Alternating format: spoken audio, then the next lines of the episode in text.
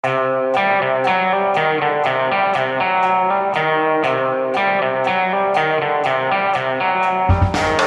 visste jeg at alle disse dagene som kom og gikk, de var selve uke 35, klar for ukeoppsummering med Giæver og gjengen. Ikke live fra bakgården slik eh, vi hadde planlagt det, men med de samme gjestene. Camilla Stoltenberg kommer, eh, og Thomas Giertsen kommer tilbake. Tilbake begge to. De har vært eh, gjester her før.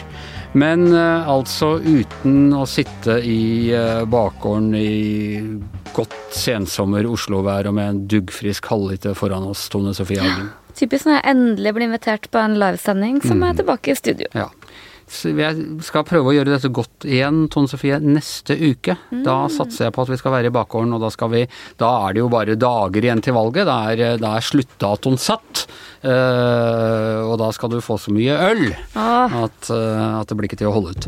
Uh, tenkte vi likevel liksom skulle snakke litt om om, altså Det var en meningsmåling i går som du var her og, og snakket om. da, da snakket vi om alt dette for så vidt interessante som skjer på, på venstresiden.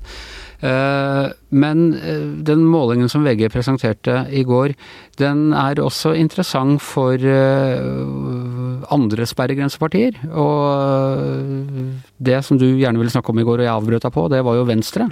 ja, jeg fikk ikke snakke om Venstre. Nei, så da får alt en dag i morgen, i morgen er i dag, og vær så god, Venstre. Norges eldste parti, parlamentarismen.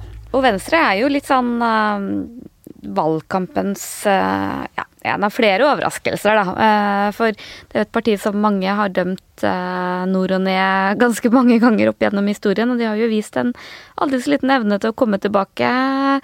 Og det har jo vært det partiet som virkelig har ligget dårligst an på meningsmålingene, ikke bare i år, men i, i flere år. Og nå er det Venstre som faktisk ligger best an, har eh, Det er valgkampens stygge andunger, rett og slett. ja, faktisk. Eh, og vi så også Det var eh, vår eh, konkurrent Aftenposten hadde en Oslo-måling som var veldig interessant, hvor Venstre var oppe på 10,7 i Oslo. Også på vår måling eh, var de godt oppe på femtallet. og og um, det er åpenbart mye som stemmer for de. Jeg tror de hadde flaks, som vi kan kalle det, med at de, klimasaken kom på, på dagsordenen. Men det er også et parti som etter hvert har blitt veldig flinke på det å drive valgkamp. Snakker vi statsministerkandidat Guri Melby her? Kan hun redde høyreregjeringa og øh, skape en overraskende sluttspurt for øh, det borgerlige regjeringsalternativet? Utelukke det helt, da. Hun kom jo veldig overraskende. le, men nå var det Hun kom jo veldig overraskende inn som, eh, som venstreleder. Hun var jo en av de som ikke ble regna med når man spekulerte i hvem det var. Hun ble jo også plutselig kunnskapsminister den dagen Norge stengte ned og Har ikke fått de høyeste terningkastene på partilederdebatten. Nei, sånn hadde heller. heller ikke spesielt flaks med sin andre partilederdebatt i, i Bergen, hvor det ble litt mye roping, og det er nok ikke noe hyggelig for en eh, helt fersk eh, partileder. Men desto mer fornøyd med meningsmålingene. Og det vi har sett med Venstre, at de er veldig de er veldig dyktige på å drive sånn kirurgisk valgkamp, som jeg kaller det. De uh, veit hvor de har et potensial, setter liksom inn alle ressursene der. Jeg tror ikke det er noe poeng for Venstre å reise til Finnmark og prøve å fri til noen velgere og dele ut løpesedler på gågata i um, Hammerfest. De, de er i de store byene. Hvis du går i indre by i Oslo, så er det nesten ikke mulig å se en buss eller et eller annet busskur med en stor Guri Det er nesten ikke mulig å, å unngå å se han der Rotevatn komme forbi på sparkesykkel med en caffè latte i hånden. Nei, og han er faktisk eh, nesten ikke mulig å gå rundt i Bergen sentrum uten å se. For jeg lurer jo litt He's på hvem som he's there, he's every fucking where. og hvem som styrer, eh, om ikke landet, så i hvert fall Klimadepartementet nå. For eh, han driver jo og legger mye ressurser i å drive valgkamp i Bergen og Hordaland, hvor han er førstekandidat.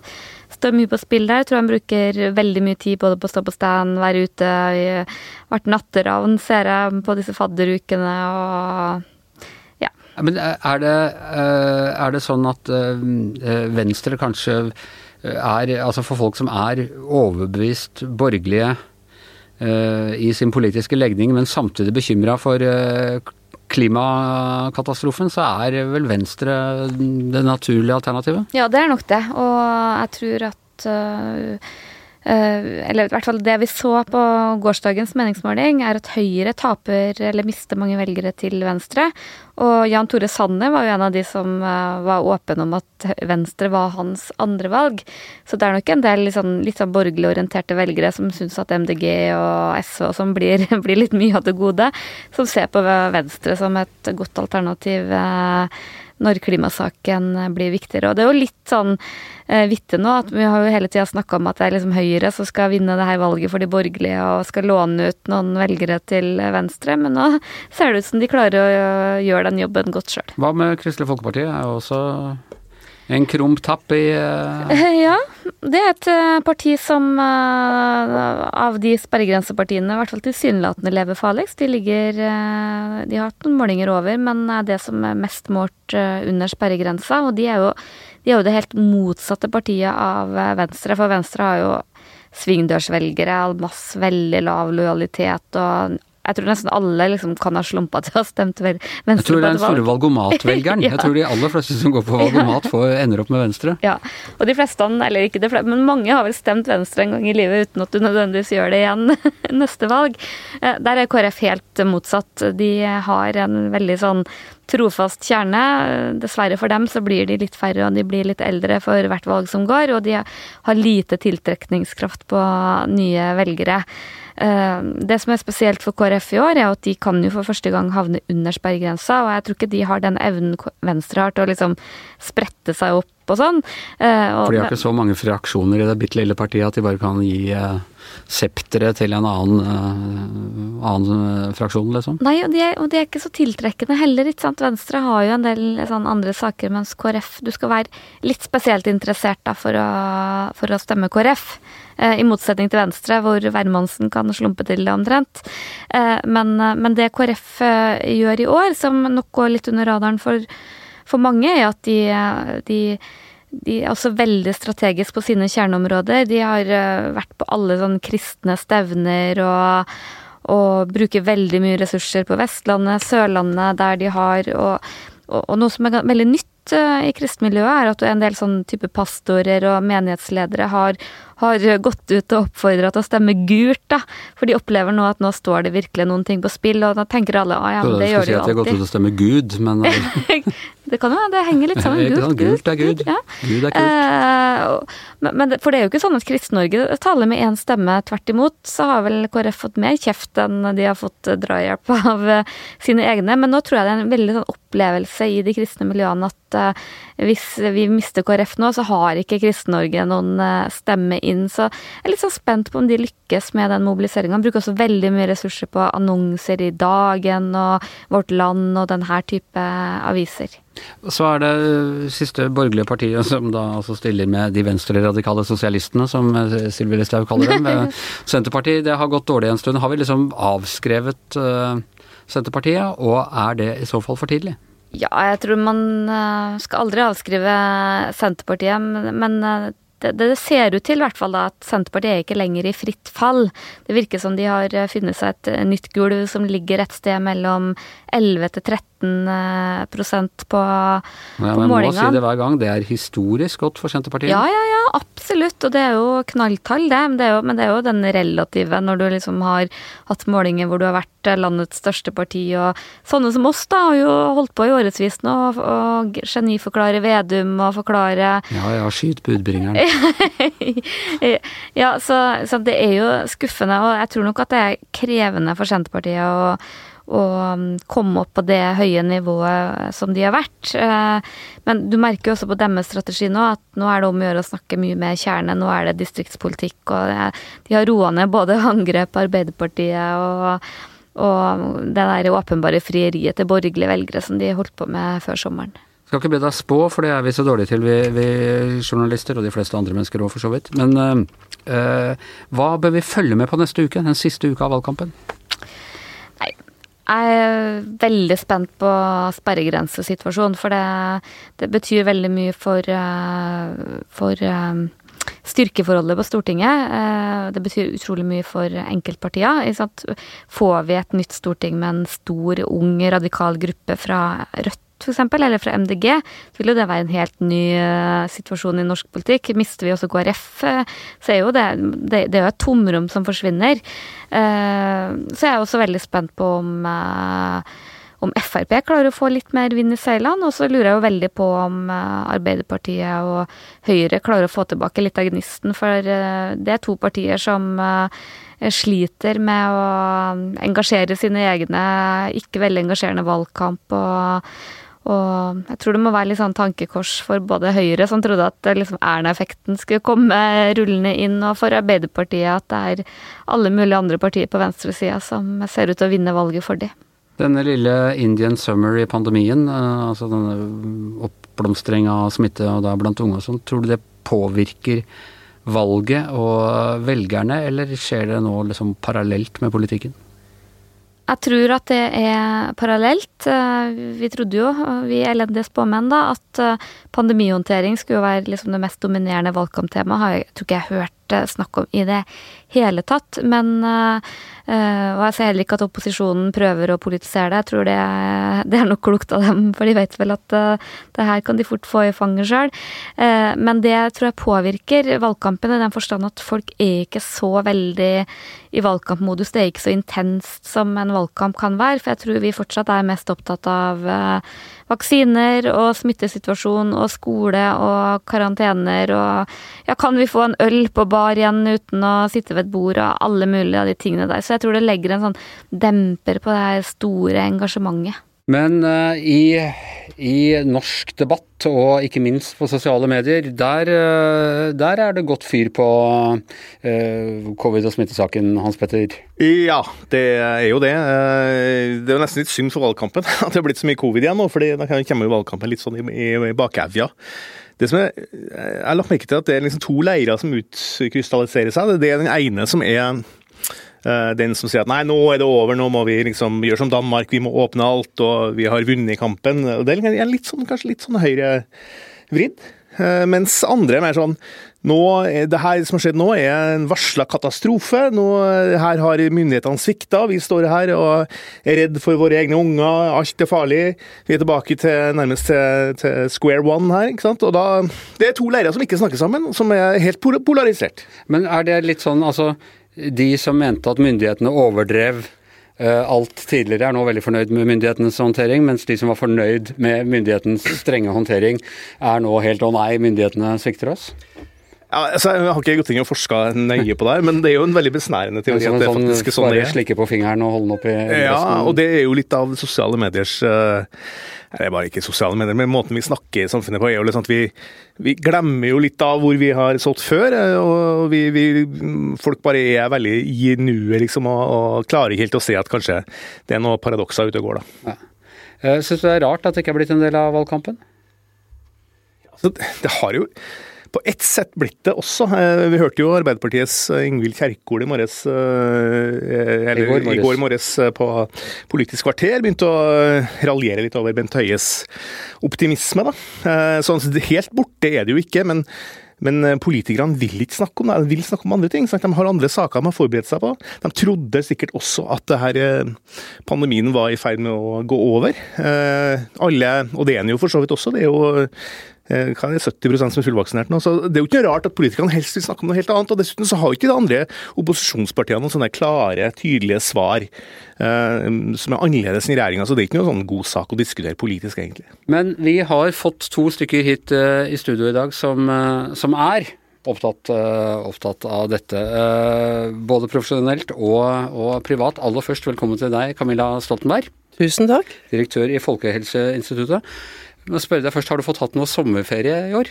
Ja, i år har jeg hatt uh, i hvert fall to uker sommerferie. Eller to uker sommerferie. I fjor ble det ikke noe ordentlig ferie, men i år ble det det. Er det sånn ordning i staten da at nå har du opparbeida deg så at du har tolv uker til gode til neste år, eller noe sånt? Altså På et eller annet tidspunkt så stryker det Jeg har ikke oversikt over dette her. Jeg regner med at jeg får eh, Bare å ha helt vanlig full ferie når man er over 60 det er jo helt utrolig lenge, så det vil være fint. Det vet jeg av egen erfaring. Jeg fikk en ny uke her for, ja. Eh, for en stund siden. Eh, og velkommen tilbake, Thomas Giertsen. Eh, tusen takk, Anders. Veldig hyggelig å se deg igjen. Ja, men det er veldig hyggelig å se deg igjen nå. Med, eh, nå bare med bart og ikke skjegg. Ja, Forrige gang hadde du jo skjegg. Ja.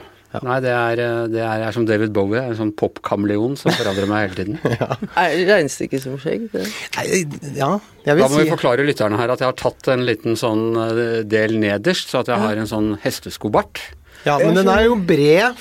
Ja, ser, det er bare jeg som ser sånn. Det er litt sånn David Crosby? Ikke? Den, den, jo, litt. Den, den, eller Lemmy. Ja. Men jeg den for, for Camilla så lå den bak mikrofonen. Han har så. brukt motsatt av sjablongen som Lars Saabye Christensen bruker, for han har jo bare den lille der, mens Anders har helt omvendt. Kanskje bytta? Ja, det er det det ser ut som. Du Er, dere er yin og yang. Ja, ja. Altså, hvis dere, hvis dere, hadde vært kjærester og kysset, så hadde det vært skjegg hele veien rundt. Som en fullkommen smultring, ja. Anders. Det er en kontrafaktisk problemstilling, føler jeg, som, uh, som blir uh, spekulativ og, og forfølger for langt. Uh, ja, nei, ennå så gøy det er å snakke om mitt utseende, så så tenkte jeg at vi, vi må snakke om, om, covid. Og, altså Thomas, jeg vet jo at du har hatt ferie. Du har vært på hytta di veldig lenge. Det er riktig. Bare korte turer inn til byen for å proviantere? Ja. ja. Men, jeg, øh, men, jeg, er jo fullvaksinert, da. Ja. ja. Så jeg, jeg, jeg, sånn, jeg, har litt lavere skuldre, da. Ja. Men nå er det kommet tilbake, og det er mye smitte. Og jeg må spørre deg, øh, Camilla Stoltenberg det virker på meg som dere tross alt dere svarer seriøst, dere stiller opp hele tiden. Jeg vet at du har bare løpt fra møte og møte til pressekonferanse til pressekonferanse i dag. Men det virker som dere også tar det ganske rolig? Vi tar det mye roligere enn om det hadde vært tilsvarende mye smitte i en av de tidligere bølgene. Men vi tar det ikke rolig. Vi er opptatt av å ha kontroll. Men poenget nå er at vi ser på hvem er det som er innlagt, hvor mange er innlagt, hvem er det innleggelsene øker blant? Og vi styrer like mye etter det, eller mer etter det, enn smittetallene. Har dere kontroll? Ja, eh, i den forstand at det foreløpig er et overkommelig antall som er innlagt. De får god behandling. Og det har eh, ikke vært en dramatisk økning annet enn i den gruppen som ikke er vaksinert. Så det gjelder å få vaksinert alle nå. Dvs. Si alle som vil. Men, men de beregningene som dere gjorde for hvor mye smitte det skulle være, de var feil, var det ikke det? Nei, det vil jeg ikke si, fordi eh, de beregningene er eh, alltid litt feil. Men, men eh, Camilla Stoltenberg, dere skrev jo i VG her en kronikk i sommer da dere anslo 1700 smittetilfeller i uka. Nå er det vel 1700 per dag. Så det er vel lov å si at modellen nå var ganske avvikende, i hvert fall. Det vi skrev der, det var feil. Og Da tok vi utgangspunkt i det vi så kunne komme til å skje, og så trodde vi at vi ville ha større effekt av både vaksinasjon og de vanlige tiltakene enn det vi har hatt. Eh, så det endret seg ganske raskt etter at den kom på trykk. Og så kan det godt hende at det var dumt å sette den på trykk, men på den annen side så er vi hele tiden avhengig av at vi prøver å forestille oss hva som kan komme til å skje, og styrer etter det. Men vi korrigerte oss jo raskt da vi så at smitten begynte å øke.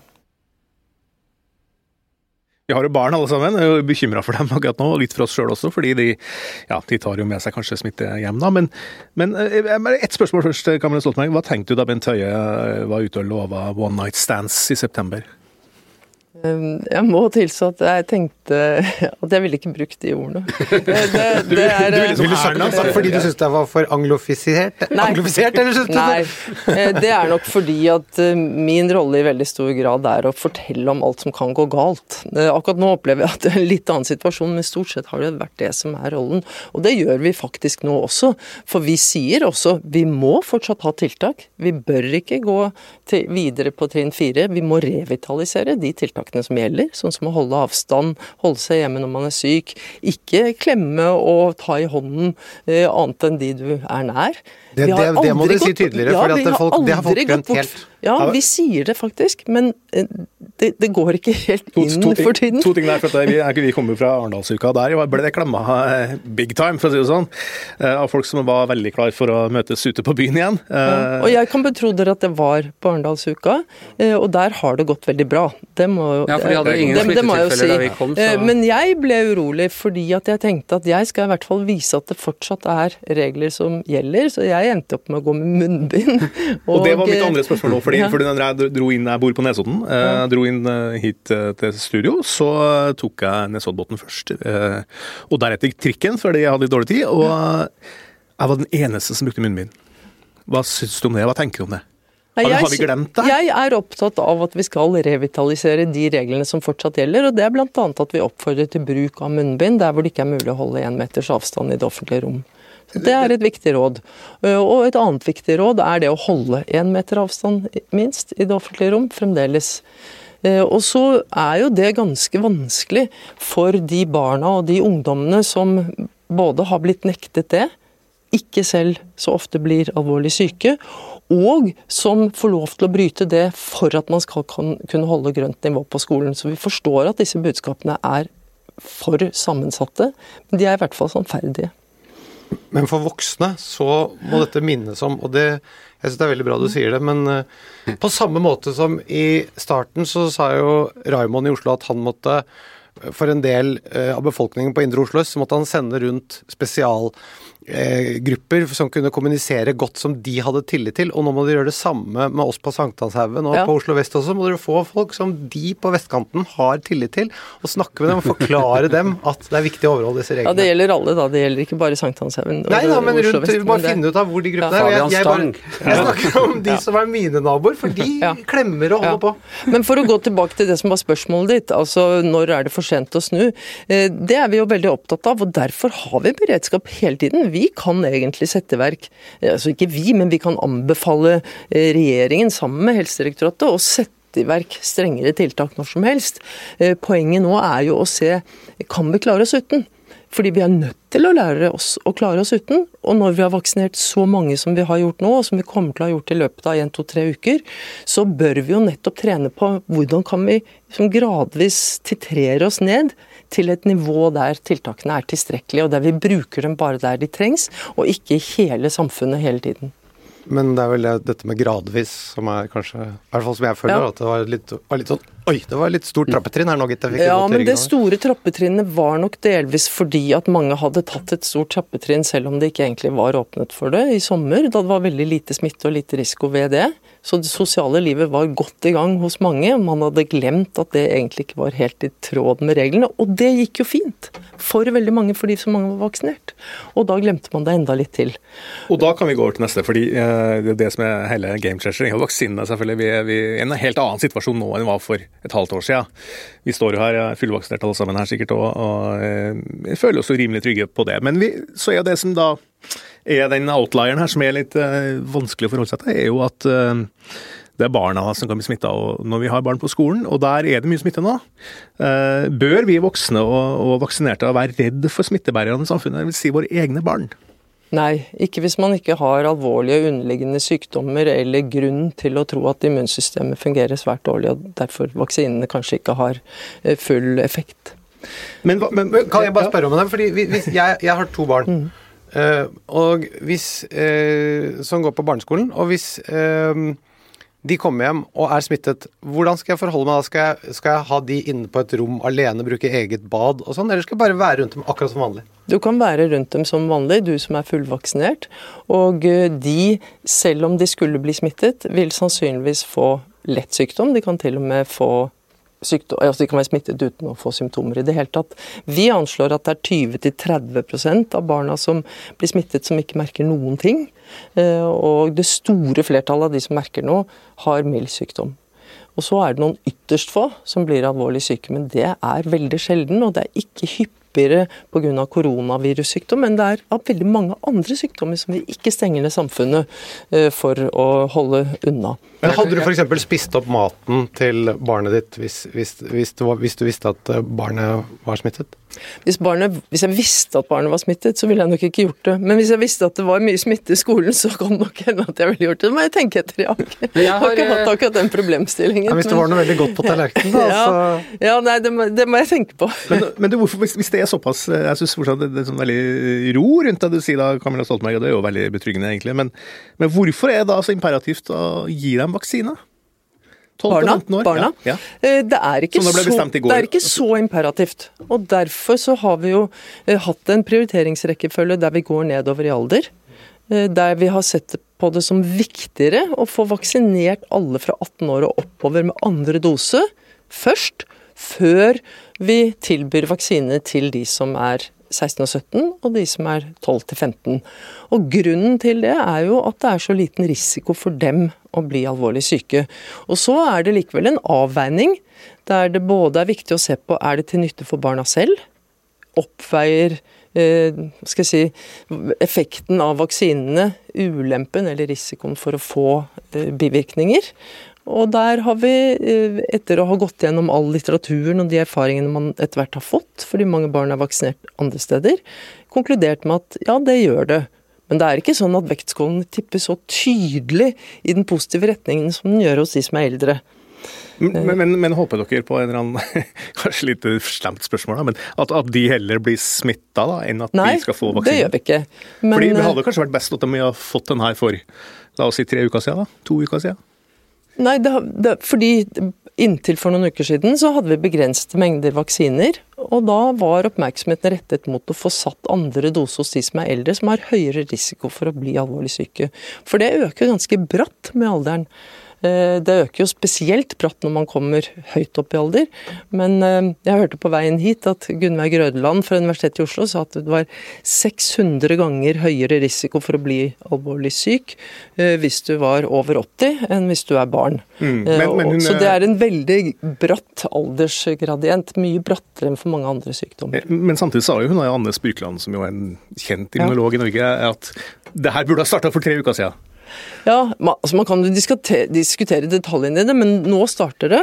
Og eh, nå er det rikelig med vaksine, så nå handler det egentlig bare om å få hjulpet kommunene med å få logistikken på plass, slik at de kan gjennomføre dette raskt. Hva med de under tolv? Kan de få korona? Eller? De kan få korona, ja. De er det får... enda lavere eh, farlighet de... der, for så vidt? Det er enda lavere farlighet, ja. Men de, de, eh, det er ingen vaksiner som er godkjent for de under tolv. Nå er det utprøvinger, men det ser ut til at det vil ta litt tid.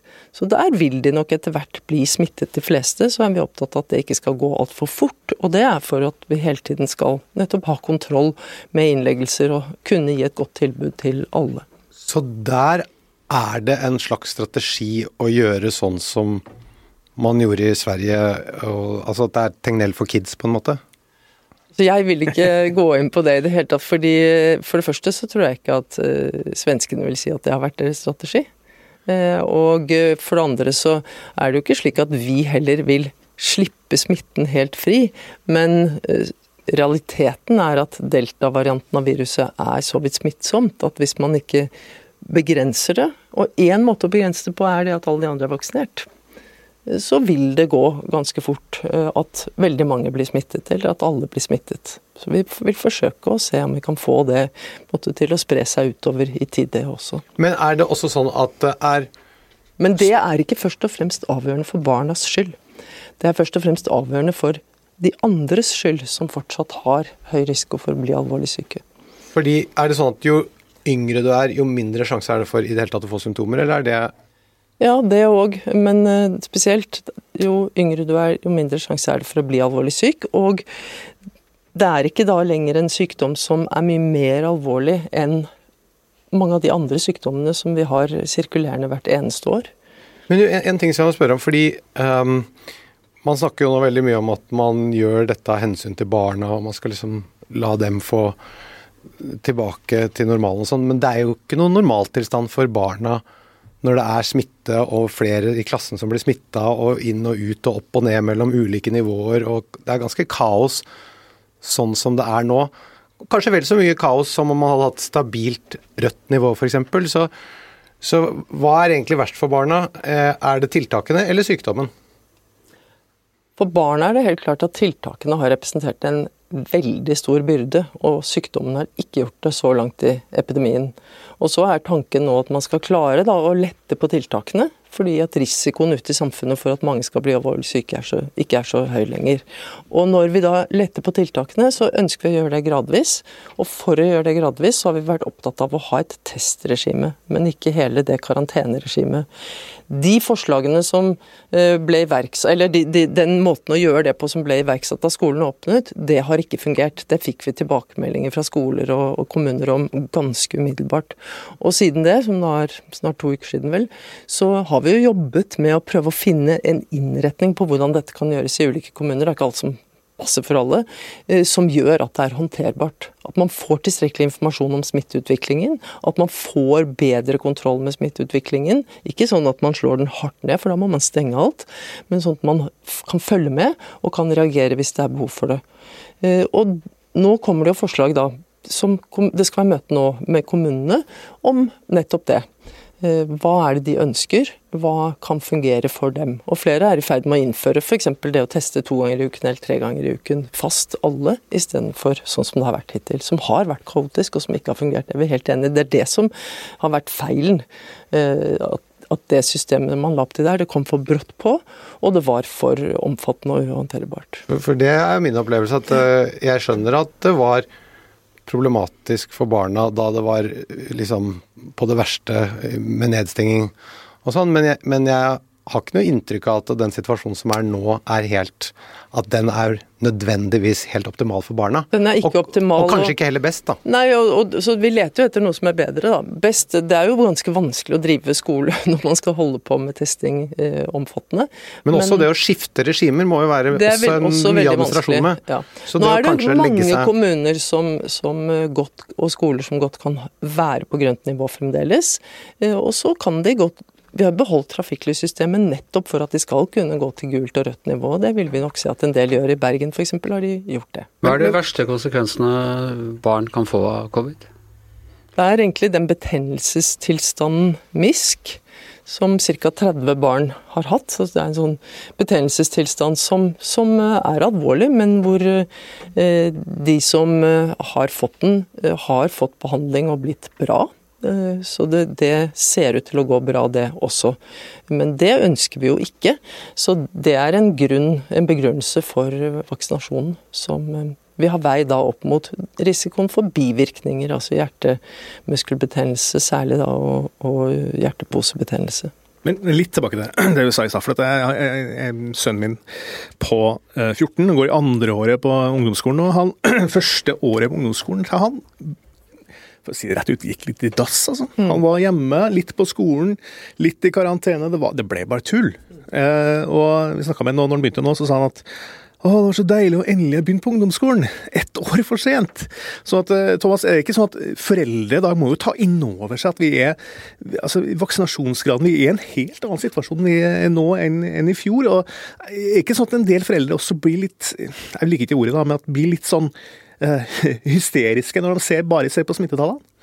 Jo, helt sikkert. Altså, jeg tipper at uh, Eller jeg er ganske sikker på at jeg er av den mer bekymrede delen. Du mener bekymra er bedre enn hysteriske?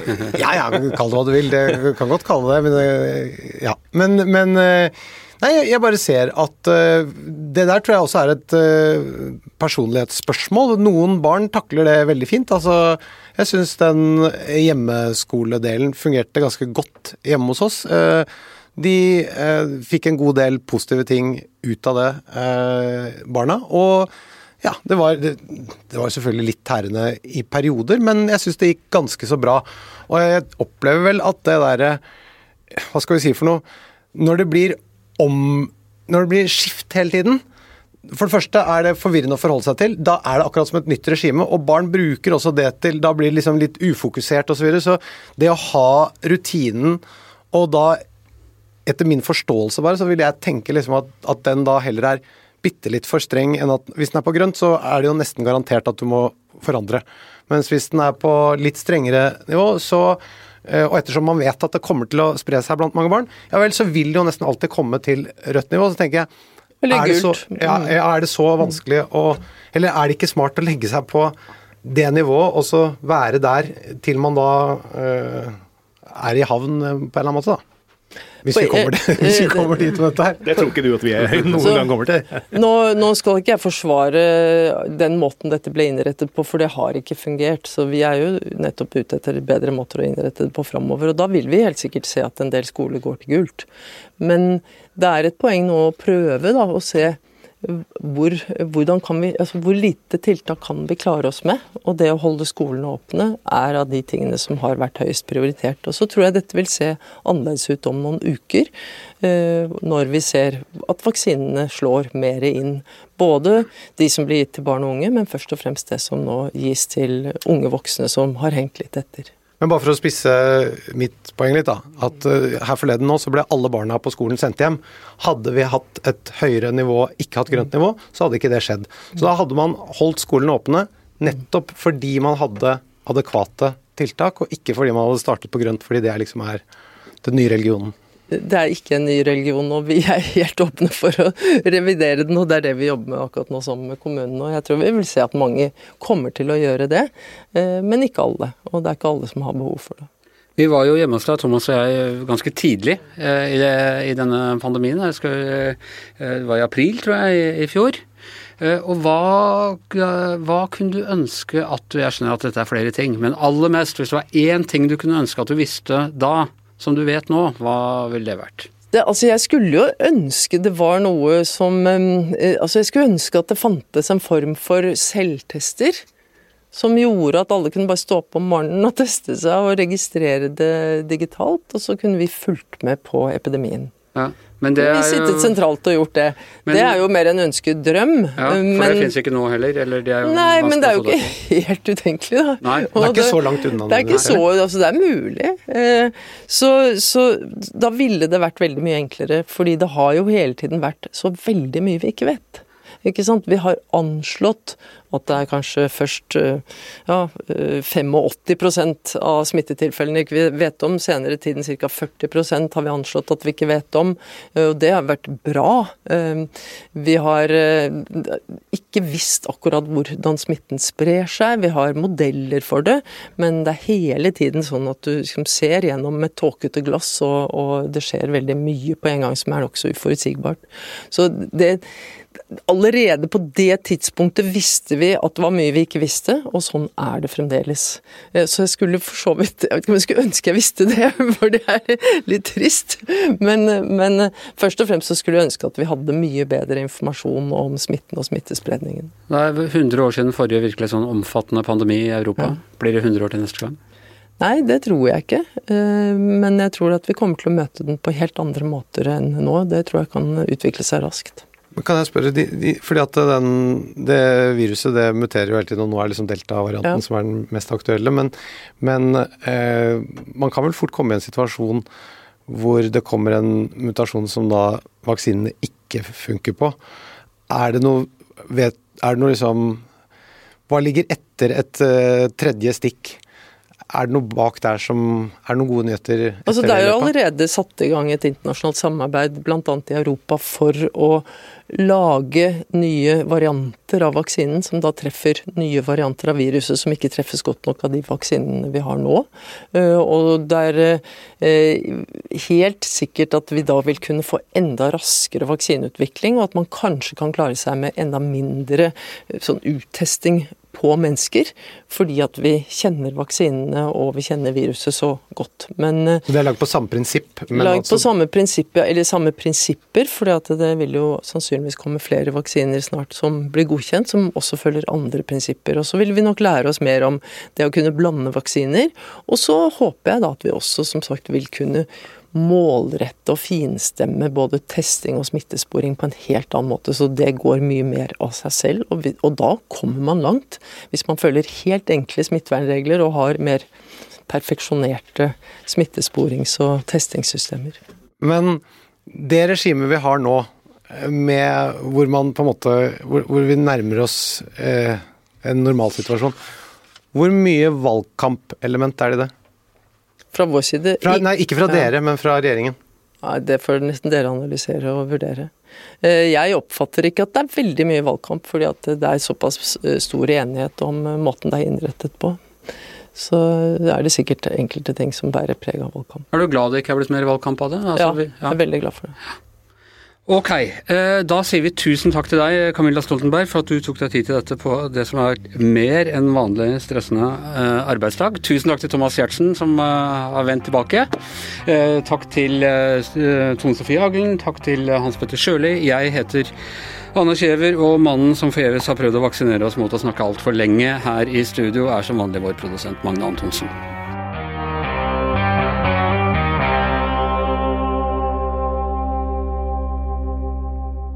Du har hørt en podkast fra VG.